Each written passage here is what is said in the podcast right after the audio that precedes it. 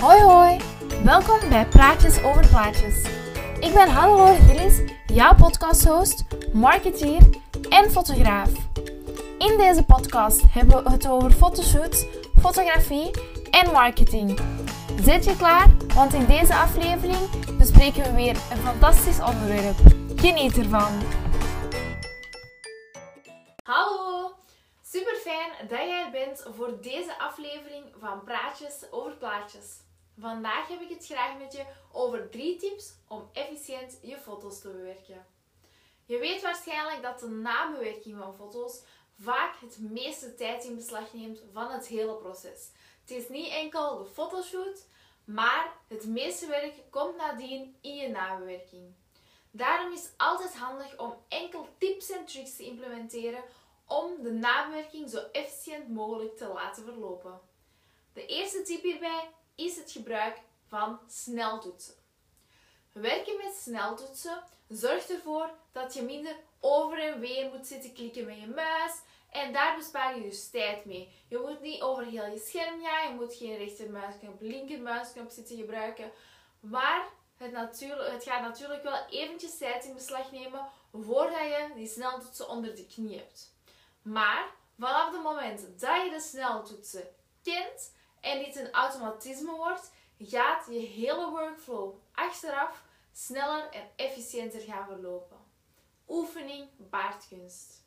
Zowel in Lightroom als in Photoshop is er voor elke tool wel een sneltoets of een toetsencombinatie die je kan gaan gebruiken. Deze kan je allemaal googlen en naast je leggen als een speakbriefje om te gaan, naar te gaan kijken tijdens je bewerking, totdat je het helemaal van buiten als automatisme kan gaan doen.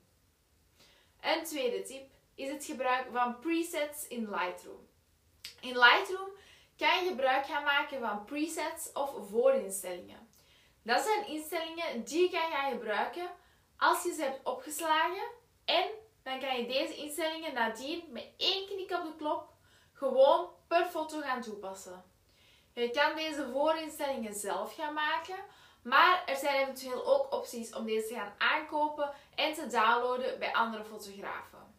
Echter raad ik steeds aan om zelf je voorinstellingen te maken, want zo weet je ook wat je aan het toepassen bent en past het ook zeker in jouw stijl en manier van fotograferen. Na het toepassen van de presets ga je vaak nog enkele kleine aanpassingen gaan moeten doen per foto of per fotoshoot, afhankelijk van in welke scène dat je gefotografeerd hebt. Maar het grootste deel van het werk, en zeker het werk dat je eigenlijk altijd toepast op elke foto voor jouw stijl, is hierbij al in orde.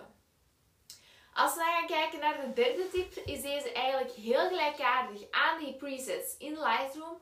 Maar gaan we gaan kijken naar actions in Photoshop. Dus ook in Photoshop kan je bepaalde acties gaan opslaan om nadien opnieuw toe te passen. Dus dit lijkt enorm hard op de Lightroom presets. Deze kan je ook gaan kopen of zelf gaan maken. En ook hierbij ga ik je aanraden om deze zelf te gaan maken. Omdat je dan ook al eerst en vooral de actie helemaal onder de knie hebt. Je weet wat je gaat doen. En je weet dan, ah ja, deze actie gebruik ik in elke bewerking. Dus deze ga ik opslaan in mijn workflow. Dan kan dus per stap een opname gaan maken van de aanpassingen die je doet in je foto. Die opslaan, een naam geven die duidelijk en toepasbaar is in jouw workflow. En dan hoef je nadien gewoon elke keer maar op play te drukken wanneer je deze stap wil zetten. En dan wordt dit eigenlijk automatisch gedaan, worden alle stappen gedaan en kan jij verder met de rest van de bewerkingen. Door deze tools te gebruiken ga je efficiënter te werk kunnen gaan tijdens je nabewerking in zowel Lightroom als in Photoshop. Mocht je toch nog ergens tegenaan lopen, wil je toch nog graag meer uitleg of loop je ergens mee vast, neem dan zeker even contact op en dan kunnen we eventueel een online coaching sessie vastleggen om hier samen mee aan de slag te gaan en deze tools voor jou in te plannen. Misschien zie ik je dan en anders zie ik je graag volgende week terug voor een nieuwe aflevering van Praatjes over Plaatjes. Tot dan!